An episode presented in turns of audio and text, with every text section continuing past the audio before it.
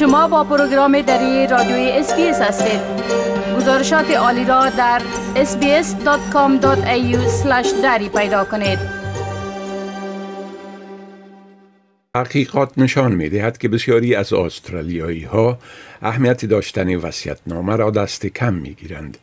اما متخصصین استدلال می کنند که طرح پلان برای آینده عزیزان شما قطع نظر از سن وضعیت اجتماعی اقتصادی و قومیت باید در اولویت قرار داشته باشد. پس وسیعتنامه چیست؟ چی کسی باید آن را داشته باشد و شامل چی چیزی می باشد؟ وسیعتنامه یک سند قانونی حاوی ادایاتی است در مورد این که می خواهید داراییتان را چی کسی طور میراث بگیرد از فرزندانتان مراقبت کنند و در هنگام وفات اداره کننده داراییتان باشد.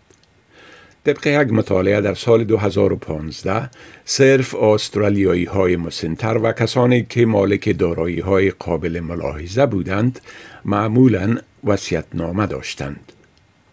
ادم ستین پروفیسر اجراعات در پوهنتون دیکن دو سال بعد یک مطالعه وسیع دیگر را رهبری کرد. این مطالعه نشان داد که تقریبا نیمه از مردمی که بررسی شدند نامه نداشتند.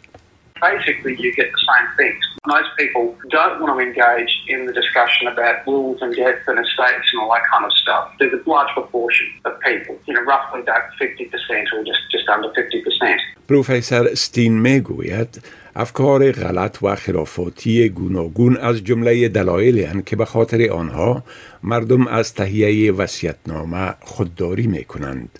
what we find is that there's a large proportion of people who don't think that they need a will. Uh, there's also a significant proportion of people who think if they make a will, they're going to die. Some people think we don't have enough money, we're not old enough. Those factors really apply across the board, not just in ethnic communities, but also Anglo-Saxon communities as well. وقتی شخص بدون وصیت‌نامه میمیرد او را فاقد وصیت می خوانند و بعد تقسیم دارایی های او بر اساس قوانین ایالت یا قلمرو صورت می گیرد. وکیل دین کلیم نیاس می گوید که داشتن وسیعتنامه می تواند خانواده را از دردسرهای ناشی از این وضعیت نجات بدهد. Basically concern people nearing the end of their life and uh, not to be morbid about it. You never know when that's going to be. So it's always a good idea to plan ahead. Another misconception is this idea that if you don't have a will, the state gets all of your assets, and that's not true either. There are laws which state exactly what happens in that situation, but obviously, if you die intestate, which means without making a will, in those situations, uh, it's a little bit more complicated in terms of what the laws say about who gets your assets and your estate. تنظیم بدون وصیت به قوانین ایالت یا قلمرو شما بستگی دارد. اما آقای کلیم نیاز می‌گوید که این قوانین ممکن انکاس دهنده این واقعیت نباشد که شخصی چیگونه می‌خواست اعضای خانواده را برای وصیت دارایی در اولیت قرار دهد. People's estates are sometimes complex. People may have business interests. People may have shares.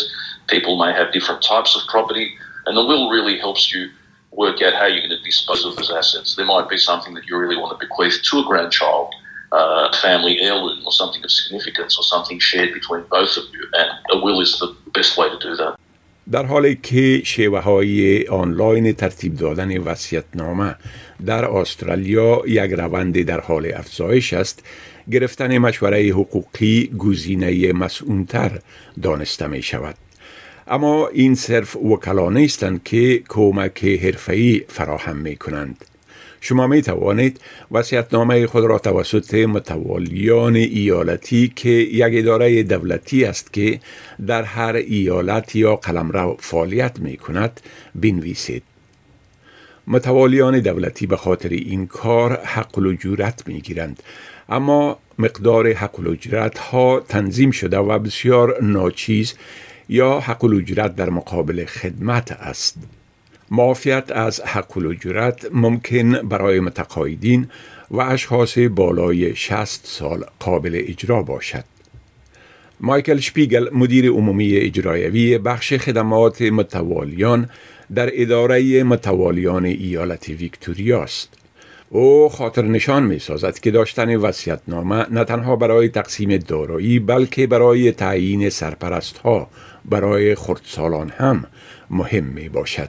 If they don't have a will, then the guardianship of that individual is decided upon by the laws of the state and they They go down through different relatives that are available and appropriate, um, all the way through to perhaps putting that child in foster care, assisted guardianship. So that's why, you know, we always advocate it's really important that you have guardianship taken care of through your will, because if not, then a decision may be made for you that's against the wishes of the legal guardians or parents. آقای شپیگل خاطر نشان می سازد که این برای مهاجرینی که در استرالیا فرزندان زیر 18 سال دارند و ممکن شبکه های خانوادگی دیگری در این کشور نداشته باشند بسیار مهم است. So myself, for example, my children are born in two different countries. And when my wife and I set up the will, we, we nominated guardians here in Australia because our children grew up in Australia. We thought if we passed away of all that destruction, how how dramatic of an event that would be for them. For them to go back to countries they never knew would be even more dramatic for them. And so we wanted to make sure that we had identified our closest friends here who were willing to take care of our children in that eventuality. دین کلیمنیاس در طول سالها حین تهیه وسیعتنامه برای مشتریانش با موارد مواجه شده که پیشینه های قومی مشتریان در مفاهیم وراست و تقسیم مداخله کرده است او می‌گوید که وسیعتنامه ها به حیث محافظ در برابر بی سرنوشتی کار می کنند. In general situations, it just makes life easier and clearer because people know what the deceased wanted. In some migrant communities, the conception of property itself differs from the Anglo Celtic view. Family property is considered just that, something that everyone gets to share. Whereas, obviously, the Australian legal viewpoint and the idea of property, how it's evolved, is it's yours, you have the right to do with it what you will, and then there are family pressures as to the distribution. And in certain communities, the would-be heirs tend to have more of a say as to what their parents do. مایکل شپیگل می‌گوید تنشها در خانواده در صورت عدم موجودیت وسیعتنامه منحصر به فرهنگ خاصی نمی باشد و تجربه خود را در اداره متوالیان ایالت ویکتوریا این گونه بازگو می کند.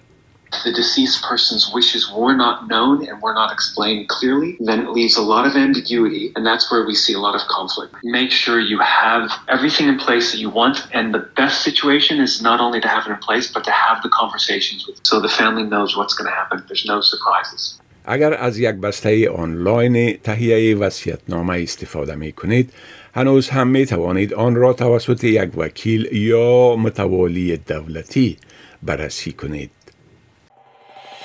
می خواهید این گونه گزارش ها را بیشتر بشنوید؟ با این گزارشات از طریق اپل پادکاست، گوگل پادکاست، سپاتیفای و یا هر جایی که پادکاستتان را می گیرید گوش دهید.